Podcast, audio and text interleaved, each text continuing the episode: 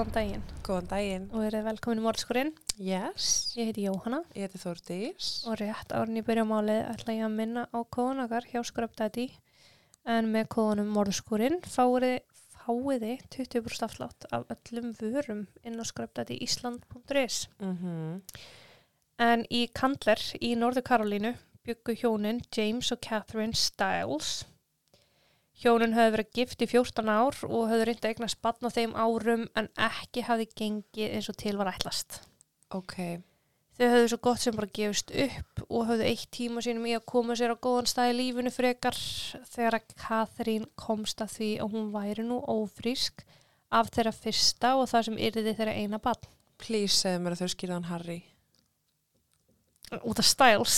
Já. Það reyndar ekki að því að stúlkubann fættist þann 28. júli árið 1972 Ok. og fekk nafni Karen Mm. og átti hún eftir að vera augasteinn fóruldar sinna. Karen kunni við að eigða tíma með fóröldar sinum þegar hún var ung, bara fannst það mjög skemmtilegt og þau voru jafn mikið augasteinar hennar eins og hún var fóruldar sinna. Já. Hún eitti ófáum tímum í að horfa rauðningsleiki með föðu sínum og var ekki mikið eldri en 6-7 ára þegar hún var farin að hafa stórar skoðanir á leikkerfum þjálfara og átti að sjálfsögðu sína uppáhalds leikmenn. Kannski er þetta bara nafnið. Já, það getur verið stórar skoðanir. Mm -hmm.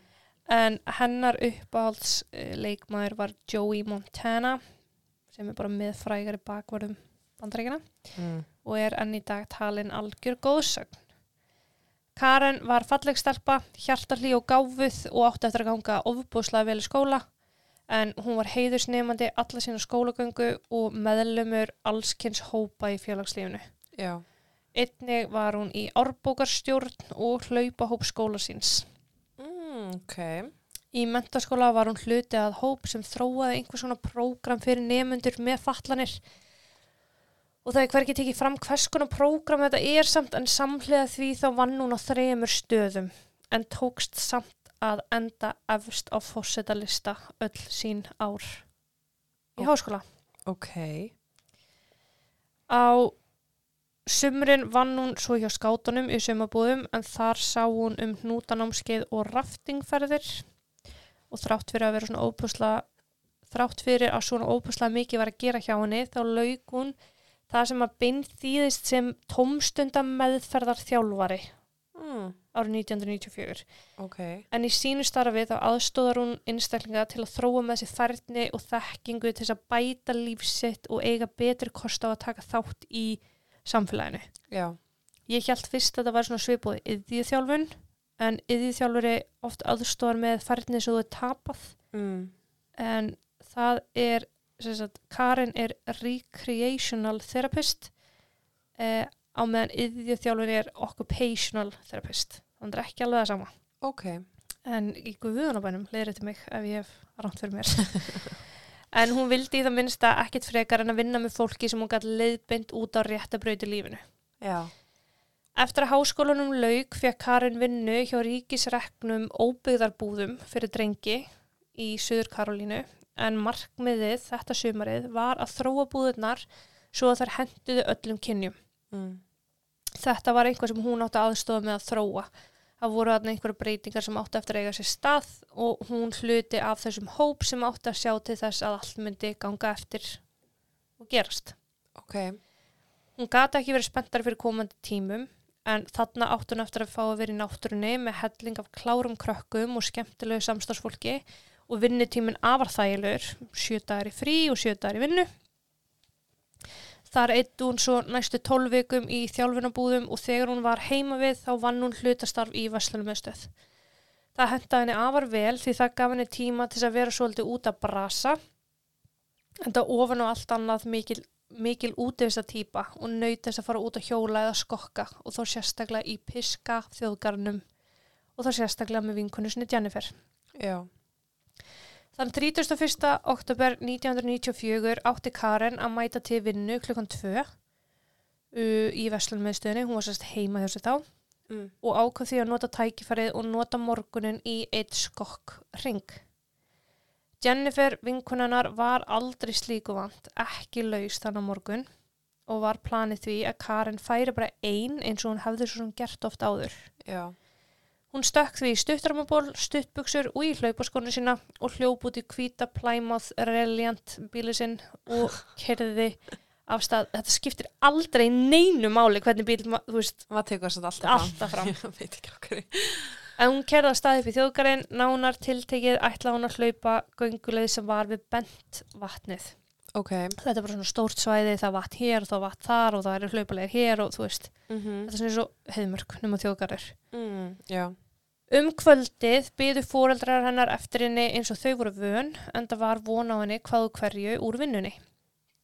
Henni Karin átti aldrei eftir að skila sér heim og eftir snögga eftir grenslan komuðu þetta í ljós að Karin hafði skrópað í vinnunni þannan daginn. Vinnuna. Vinnuna, ég skrifaði vinnuna. skrópaði í vinnuna þannan daginn. Hvar að? Ekki þótti það mjög eðlilegt og mjög svo úr karakter fyrir Karin sem að var duglega að mæta til vinnu og let alltaf vita ef henni myndi senka eða ef einhvað hefði komið upp á þannig að hún geti ekki mætt. Já. Því ákveði fóruldræðanar fljótlega að tilkynna hana týnda. Þar sem strax var talið að hún hafi horfið við skokkið í skójunum var ákveðið að skinsanlegast væri að fara upp í þjóðgerinn og leita. Af því að það gat auðvitað allt eins verið að Karin hafi bara slasað sig við hlaupin. Akkurat. Uh, það var ekki fyllilega að vita hvert hún hafi farið og þetta er stort og viða mikið svæði til þess að leita á. Þannig að það er ekki fyrir næsta dag, fyrsta nóvember, sem að bílinn hennar finnst. Og hann, wow, hún hefði lagt honum við Hard Times Loop stígin sem er 10 km ringlið sem að Karin var vun að hlaupa. Já. Inn í bílnum sáust bæði bílleiklar hennar og veski en það voru að tvenni bílleiklar að bílnum annars vegar þeir sem að störtu í bílnum og hins vegar leiklar sem að læstu farþega bílhurðinni að utan. Mm. Þannig að hún hefur skilað allt eftir læst bílnum. Já. Karin hefði auglustlega ekki skilað sér að bílnum og var strax ákveðið að sapna saman leitaliði því nú var hræðislan um að hún hefði orðið fyrir ofkælingu en aðfara nótt 1. november, þessi nóttina sem leiðan á milli, þá hafði hítastið verið við mínusgráður og því uh, hræðisla um að Karin væri hreinlega í hættu. Já. 60 leitamenn söfnuðu saman til að leita að henni með litlum árangri svo ákveð var að leita inn í næstu nótt og morgun. Sú leit skilaði einni litlu að það var svo sem að það var svo einhver sem að rak augun í eitthvað glansandi um 180 metrum frá bíl Karinar. Um var að ræða líkilinn sem hún hefði annars notað til að taka hurðina úr lás. Karin hefði alveg eins getað týnt liklunum og ekki komist inn í bílinn en það geti líka verið að einhvað alvarlegra hefði getað átt sér stað svo frekar í þungi var settur leitina. Fyrir utan það að það var náttúrulega ef, hún, ef ekkert kom fyrir þá var hann samt í hættu því að það hefði verið kallt úti Mm ef hún hefði til dæmis vilst af leið. Nú voru leitar og björgunar aðalar búnir að kalla út heljarinnar hundasveit uh, til að þefa um svæðið og sjá hvort að einhverju vísbendingar fengjust. Þyrla flögu yfir svæðið en það skilaði afar litlum árangri. Hundarnir skiluðu örlitlum meiri árangri en þeir fundu hér og þar um hlaupuleiðina svo kallað hotspot sem eru bara svæði þar sem þeir námu lykt af karni en blettinir leittu hvergi. Þessi svæði þeir rötuðu ekkert lengra. Bara hér er lykt og þannig er lykt og hérna er lykt. Mm. Já. Því var ákveðið að kalla út kafara sem átti að kafa út vötnin í kring en það eins og allt annað átti ekki eftir að skila neinum árangri heldur. Nú verið dagarnir farnir að líða og fóreldra Karinnar orðin vitstól af hræðislu og ágjum en það lögreglan þarna orðin ansi vissum að Karin hafi verið rænt af einhverjum óbrútnum aðila. Já. Í veikri von dreifiðu fóruldrænar og vinir út dreifimiðum með mynd af Karinni og lýsingu á henni um allt svæðið en fáir áttu eftir að eiga, hafa samband. Engar vísbendingar eða almennilegar ábendingar fengust í máli Karin, er það Karinar? Já. Karinar fyrr en þann 13. november klukkan hálf 11 á mótni þegar skóavörður rak augun í blóðiðan stuttarmaból í skóginum og óskaði eftir aðstór lauruglu í tengslum við það. Lauruglan hafði ákveðið þarna að láta fóruldra Karinar ekki vita að uppgötuninni vegna þess að þeir vildi ekki hræða þau frekar og óljóst var hvort að bólurinn væri raunverulega í eigu Karinar. Mm. Grunur var þó eðlilega um að bólurinn væri í eigu hennar en það var vitað að hún hafi farið út í stuttrambóldaginn sem hún kvarf. Mm, shit. Grunur þeirra fjagst staðfæstur þann 2015. november þegar veiðimaður á reyndirveiðum gekk fram á lík Karenar í fremur þjættu skólandi. Karen fannst nakin límt með límbandi upp við tré í svolítri fjarlægð frá bílnum hennar og alveg út úr hlaupuleginni. Ok. Bara lengst upp í skó frá hlaupuleginni. Já. Lörugla og leitarhópar voru steinhissa að þeir töldu sig hafa leitað af sér allan vafa og hafði leit verið framkvæmt nákvæmlega þarna þar sem hún fannst. Og það vaknaði þarna spurningum hvort að líkinu hafi kannski verið komið fyrir þarna eftir að leit hafi verið framkvæmt. Ah. Sá grunur var hins var ekki á rökum ristum. Restur. Ristu, vá. Sá grunur var ekki á rökum rist. Ekki að kenna hænunni. Ég, vá. Uh, og staðrendin svo að tríða sem Karen var bundi við var hálfportin ofan í skurð. Það var svona frekar neðala Ok. og þeim hafði því miður bara yfir sérstana við leitina. Veiðimaðurinn hafði til dæmis allan þannig morgun verið um 30 metra fjarlæg frá líki Karenar og hafði aldrei síðan eða neitt grunnslægt fyrir hann bókstallega gekk fram á líkið af henni. Ok, þannig að hann sá til dæmis engan einhverja grunnsalega ferðir, einhver að koma með eitthvað. Nei, nei, nei, ekki neitt sko. Nei. Og hún hafði auðvitað verið hana allan tíman. Ok. Við rannsókn á vettvangi átti eftir að koma í ljós að skotilki utan af 22 kalibra uh, kúlu Já. og Remington rifli leifar af limbandi og hérna, umbúður af limbandi Já. og heil hellingur af klámblöðum. Ok. Þetta er 1994 sko. Vá, bara bleikt og blátt. Mm Lík Karnar var fluttir réttalæknis sem var falið það hlutverk að byrja kjensla líkið en þarna voru jú 26 dagar síðan Karin kvarf og ekki hægt að segja með algjöru vissu uh, um hverja var að ræða Mm. þó sjálfsög fáar kæmi til greina. Já. Réttalæknir þurfti að nota tannlæknarskíslu til að bera kennsl, hún var það illa farin en staðfest fjagst að um var að ræða hinn að 22 ára gömlu Karni.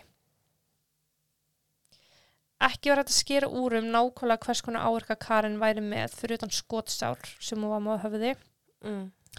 Ekki var hægt að segja til um hvort hún hafi orðið fyrir neitt kynferðislegri árás eða neitt slíkt en dánarörsökin er skráð uh, skotsár á höfði og dánaradvik mandrúp. Ok. Grunur réttalæknis var að hún hafi orðið fyrir raflósti sérstaklega kringum kynfari og þá með svona taser stöðbyssu Új bara. sí endur tekið. Fóreldra Karinar höfðu mist enga dóttir sína og sitt eina barn og voru gjörsalega niðurbrotin en þau höfðu þessa 26 daga sem hún var horfin aldrei mist vonina um hún myndi finnast á lífi. Akkurat. Við tók sorgin og eimdin og stóra verkefnið að jarða barni sitt. Karen var jörðið með fallega aðtöfn nokkrum dögum eftir að lík hennar fannst þar sem að vinir og ættingjar kvöttana í hinsta sinn. Á meðan vann lauruglan harta rannsókt sinni og þar sem að Karin finnst látin og er talin hafa verið myrt í þjóðgarði Já. þá var málið automatíst orðið federal case eða Jeps. allríkis lauruglu mál Mm -hmm. og allríkislauruglan eða FBI fór því með rannsókn málsins og höfðu verið með puttan í málinu líka þegar það var mannskvarfa því yfirleitt ef það er mannskvarf þá eru þeir til tags Já. Ef þeir, ef þeir óska eftir þeim. Já Fyrsta mál á dagskrá var að skoða hvort að einhver hefði keift limband í verslun í nálað við hlaupastíðan eða bílastæði við hlaupastíðan en það var keimart verslun staðsett rúmum kílómetr frá það sem að Karen laði bílnu sínum Já. Limbandsrúlan sem hefði fundist á vettvangi var mert merki sem að lauruglan vissi að veri selt í Keimark. Þetta er bara svo í Korskó í Körkland skilur og veit maður að viðkomandi hefur trúlega skeift þetta í Korskó. Já. Og þetta var árið 1994 og það er ekkit rafrænt kassakerfi, Nei. heldur bunkið af kvittunum. Og á meðan einhverju lauruglumenn fóru í gegnum þessa kvittanir voru aðrir að útiloka einstaklinga sem höfðu sérst á svæ svæðinu þannig morgun sem að Karin fór að hlaupa á og almennt skoða einstaklingar sem samfélaginu höfðu þótt óþægilir. sem er Já. alltaf gert en það er líka ókslega leiðilegt bara eitthvað, herðu, hann hérna Jón á bryggjugötu er alltaf svolítið skrítin er þið til að kíkja hann Akkur er byrjan á bryggjugötu. ég veit ekki, ég veit ekki svo hvort að bryggjugöta sé til sko. en samkvæmt kvittunum voru nokkur sem að koma til greina en þeir höfðu þá keift límband og nú var bara að rekja þá vegna þess að lögreglan var að reyna að vinna máli svolítið látlaust til þess að vekja ekki grunnsamtir hjá neinum Mm eða ótta, þá vissi í raun enginn hvað væri að eiga sér stað á Nei. meðan lögreglan var að vinna. En þeir vissu að það hefði fundist lík. Já, fólk vissi að hún var í dáin og allt hannig, en það, bara, það leit svolítið út eins og lögreglan væri bara ekki að gera neitt af því það voru ekki að koma út neina yfirlýsingar eða fréttaflutningur Mm. eða neitt af uh, gangi rannsóknarinnar. Sem er bara mjög sniðut að því ef þeir fara að segja frá því einhverja til dæmis skipt límband þá Þá getur vel verið að viðkomandi og stingur af. algjörlega. En já, fólk var bara eitthvað, eru þeir að sinna rannsóknir eða það bara er ekkert að Mhm. frétta þetta. Og það kom því mjög á ómænt þegar lögreglan gaf út yfirlýsingu þess efnis þann 20. desember árið 1994 að maður væri í gæsluvaraldi vegna morðsins á Karen Stiles. Ok. Sá var Richard Allen Jackson, giftur tveggjabarnafæðir. Richard hafði verið ættleitur á góðu fólki þegar hann var yngri, hann var 6 ára gammal og hann hafði fengið alveg ofbóðslega gott uppeldi og alist upp í bara svona fyrirmyndar aðstæðum. Mm. Honum hefði gengið vel í skóla, hann kynntist konu í mentaskóla sem var sér eiginkonu hans og eignaðist með henni tvö börn. Hann talaði áallt vel um bæði konu sinna og börn og var að öllum virtist afar góðu maður sem vann á veitingastað sem faður hans hefði nýlega keift. Já. Richard átti sára litla sögum glæpi en hann var fimm árum áður ákjærður fyrir að hafa farið inn á lóð sem hann átti ekki, trespassing Mm. og svo einhver bara minniháttar ökulega brott. Já. Lauruglan hefði komist á snóður um hann við þetta kvittanabras en þann 28. oktober, þremu dögum áður en Karin hverfur, þá kaupir einhver limband, 22 kalibra Remington riffil, pakka af 22 kalibra byssukúlum, vasaljós og batteri. Ok. Og þessi kvittana leið reyndist almennt erfið vegna þess að það var ekki tengt úr kvittanarnar, það var engin kortanúmer en eitt slíkt. Svo þeir sem höfðu áður keift limbönd og var búið að ræða við voru aðilar sem að starfsfólk veslur, veslunarinnar svona myndu að hefðu keift limband innan þessa tímarama. Mm. Það var ekki að höra, já, hann hérna Jón Jón Sigfús keifti, tjekkja á þeim. En þessi kvittun var öðruvís en hinnar vegna byssukaupana. Já. En til að kaupa byssu þá þurfti að skrá byssuna á viðkomandi Mm og um það voru til gögn, gögn eða ATF eðublað 4473. og þar var nafn kaupanda þessara byssu, Richard Allen Jackson. Þannig að hann keipti byssu og límband bara samdag. Já. Flottur. Kúlur og, og hérna vasaljós og batteri. Vasaljós og batteri. Það þurfti ekki mikið til að Richard satt í stólnum á móti allríkislauruglumönnum hágrátandi með hór að viðkjanna að hann hafi vissulega skotið Karin til bana. Viðurkenna það. Mm Bara þeir voru bara góðan daginn, þú ert hérna, ætlum að spyrja út í hitti þetta og hann bara fór að gráta á því einhvern allt. Ok. En Richard hafði verið mættur að sama bílastæði sem að Karin lagði á klukkan 8 þannig morgun og hann hafði gert þetta í einhverja vikur að keira upp á þessu bílastæði, leggja og bara chilla eins. Mm. Hvað hann var að gera er svolítið að reiki, Bleikt og blátt, rung, rung. einmitt, en hann er ekki talin vera neitt hlaupagarpur. Mm. Kannski runggarpur. Hann sagðist að við tekið eftir því þegar Karen kom og lagði bílunum sínum uh, og fylgdist með henni stíga út og gera sér tilbúin til hlaups en Karen hefði teikt vel á áður en hún lagði á stað. Þannig að hann hefur bara, Hann já. hefur séð hana og fundist hún eitthvað sætt. Mm. Þegar hún hljópa á stað þá stegi hann út í bílunum sínum með riffilinn, limbandið og þessa stuðbissu og hljópa eftir henni. Var það sama dag sem hann keipti þetta dót? Nei, 2008. þetta- Hún týnist 31. Ok, skrítið Og hann er búin að vera samt. þetta hérna dagana undan. Sko. Ég er að segja það, skrítið samt allt í neitt daginn eftir nú ætla ég að kaupa. Nákvæmlega. Og svo setur það áfram á saman staðanum. Þú ert að leita einhverju. algjörlega. Hann hljóp alveg upp að henni og kallaði í hana sem var til þess að Karin sneri sér við og þá sá hún að Richard stóð á mótinni vopnaður rifli. Karin hefur vitað í hvað stemdi því samkvæmda Richard tók grátt baðunan strax um að taka bara af sér likluna bílnum sem Mm. er auðvitað ástæðan fyrir því þeir finnast á jörðinni Já. og reyndar sannfarin um að hún væri með ágætis upphæð í peningveskinu sínu sem hann geti tekið ef hann bara myndi hlífinni. Mm. Richard gerði það svo sannlega ekki, heldur greip hann í hendina á henni og leitt hana lengst inn í skó þar sem hún átti síðar meir eftir að finnast.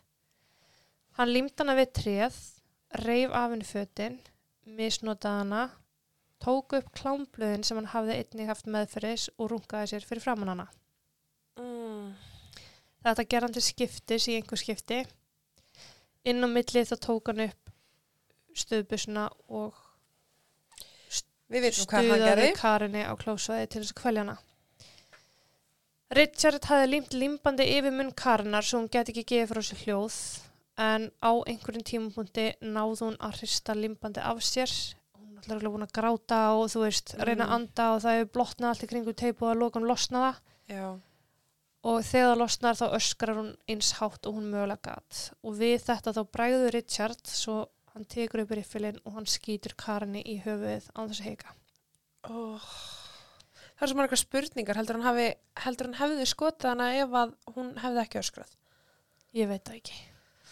Hmm. En ég Ja. hugsa þetta samt líka mitt. En jú, örglega. Hún er alltaf búin að sjá hann. Já. Richard sagðist ekki vita til þess að hann hafi séð Karinni áður. Hann myndi þá allan ekki eftir því. Mm. Það stemdi alveg, hún var ekkert búin að vera þarna eins mikið, hún var vön að Mm. vera því hún var að vinna þarna sem hún var að vinna. Já. Og hann vissi aldrei hvað hún héti fyrir hann að fréttir bárust út um hvarfi hennar. Ok. Hann hafði haldið áfram að lifa sínu vennilega lífi þar til að alla ríkis lauruglan handsamaðan. Richard játaði að hafa myrt Karinni en hann neitaði fyrir að glæbrun hafi verið ofbeldsfullur.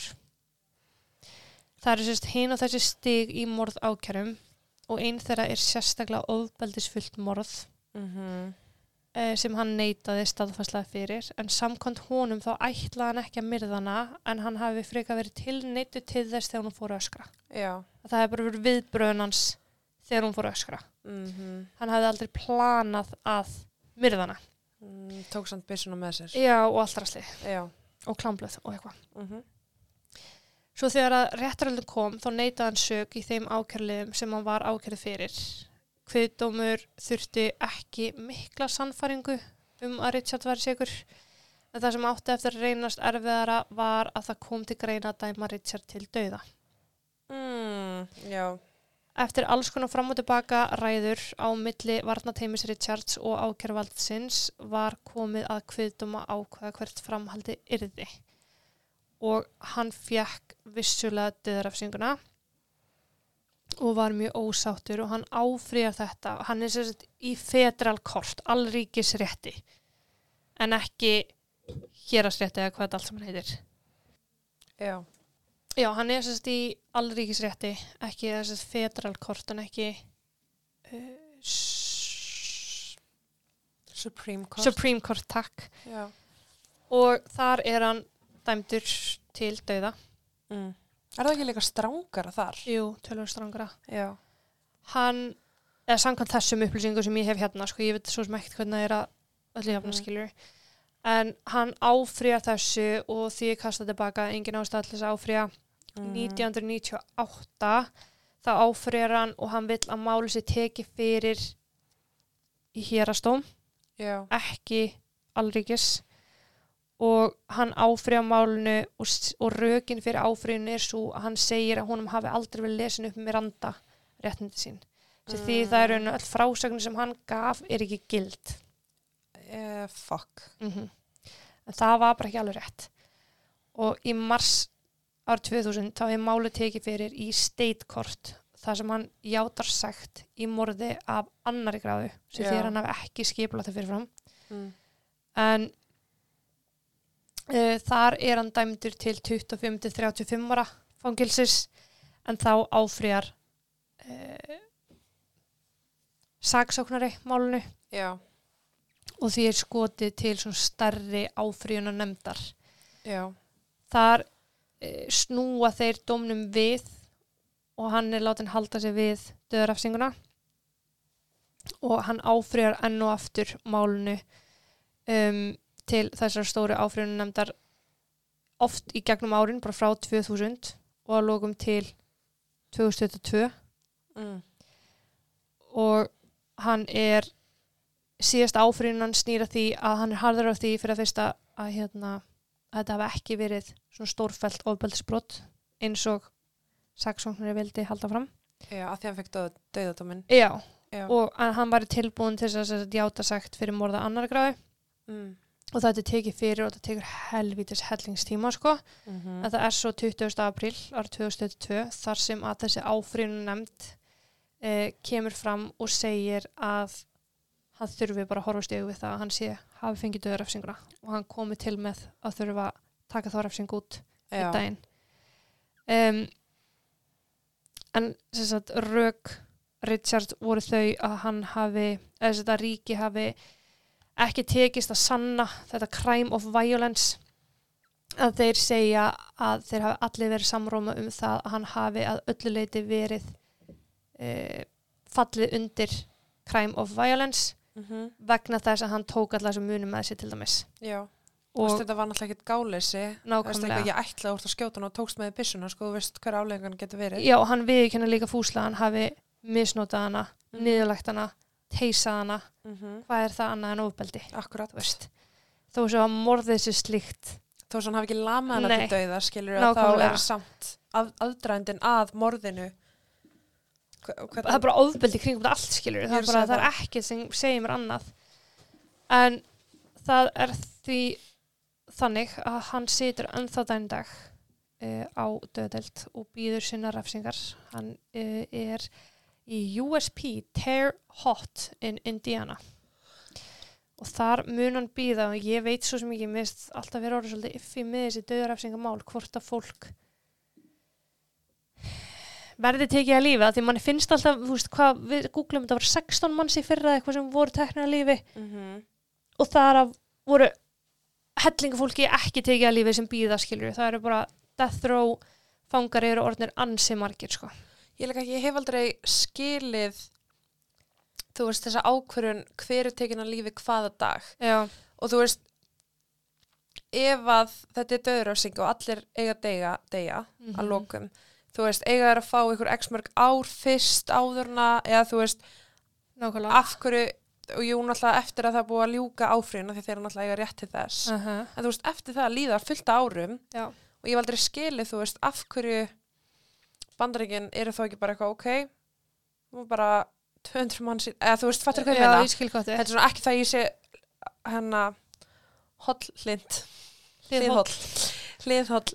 Döðurafsingum en eitt þannig en þú veist, mér er alltaf svo skrítið þú veist, hvað er bara eitthvað einn á hverju ári í þessu fylki Já, auðvitað áður náttúrulega bara að vera einhver föst regla, bara heyrðu, þú ert hérna dæmdur fyrir döðarefsingu, ef þú ætlar annar borða að hafa döðarefsingu, ég er að segja það, þú að veist. þá bara heyrðu, þú hérna eftir sex mánu, þá verður þetta gert. Mm að því líka bara, þú veist, óvissan fyrir þá bara ómannúðlegt, sko. að vakna alla daga og þú veist ekki hvort þú sért að fara að anda í sekundu lengur eða ekki. Mér finnst það að vera líka svona, mér finnst að fólki allan að fá að vita tíman sinn. Já, ég, sko, er náttúrulega þannig að þú ert dæmdur, þú farin í fangelsi, svo er korteit, þessi dagur, það sem er réttarhöld, það sem ákveðin dagsetningin. mm -hmm.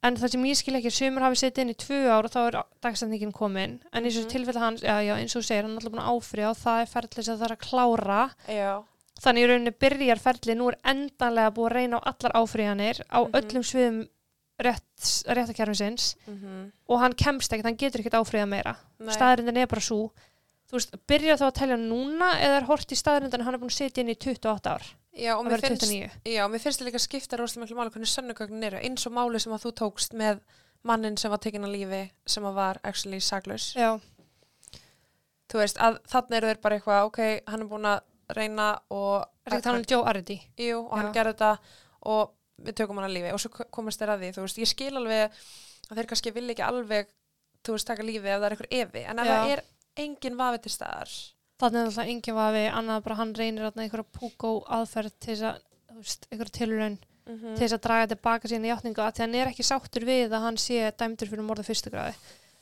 og hann, alltaf, hann fær döðrefsinguna að því hann er ákjörðu fyrir morða fyrstu gráði Mhm. döðrefsingin er ekki Og bandaríkin er ekkert eitthvað þekkt fyrir það að vilja borga undir fanga, sko. nei, hann að ég En, já, hann ég er bara fórhundist um það hvort að þú veist, verður hann á lífi eftir ár verður hann á lífi eftir 20 ár, hann er orðin fullorinn í dagskilur, mm hann er örgulega að minnstu kosti kringum 50-60 stukt nákvæmlega.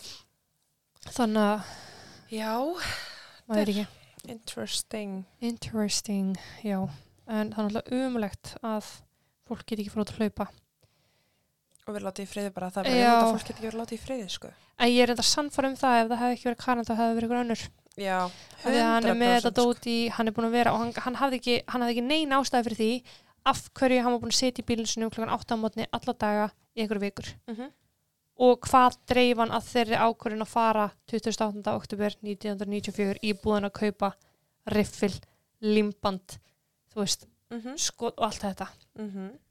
Akkurat. En á öllu leiti virtist það vera góðum maður, hann var bara flottu pappi en trúlast með ykkur klámfíkn Já. Þar sem hann var mjög duglegur að ferðast með klámbluðu með sér. Mm. en Já, þetta líka segir að það er ofta ekkert, kemur ekkert andla upp, þú veist, uppeldi getur verið frábært mm og niðurstaðan allt annur já, þú veist að þetta slæmt uppeldi liti fólk og þeirra framtíða líka sko. Mm oft en fólk, fólk sem að lendir í slæmi uppbyldi getur líka orðið bara besta fólki í heimi. Akkurat nákvæmlega en stuttmál dag. Yes. Ég þakka bara fyrir mig. Já, segi takk og bless. Takk og bless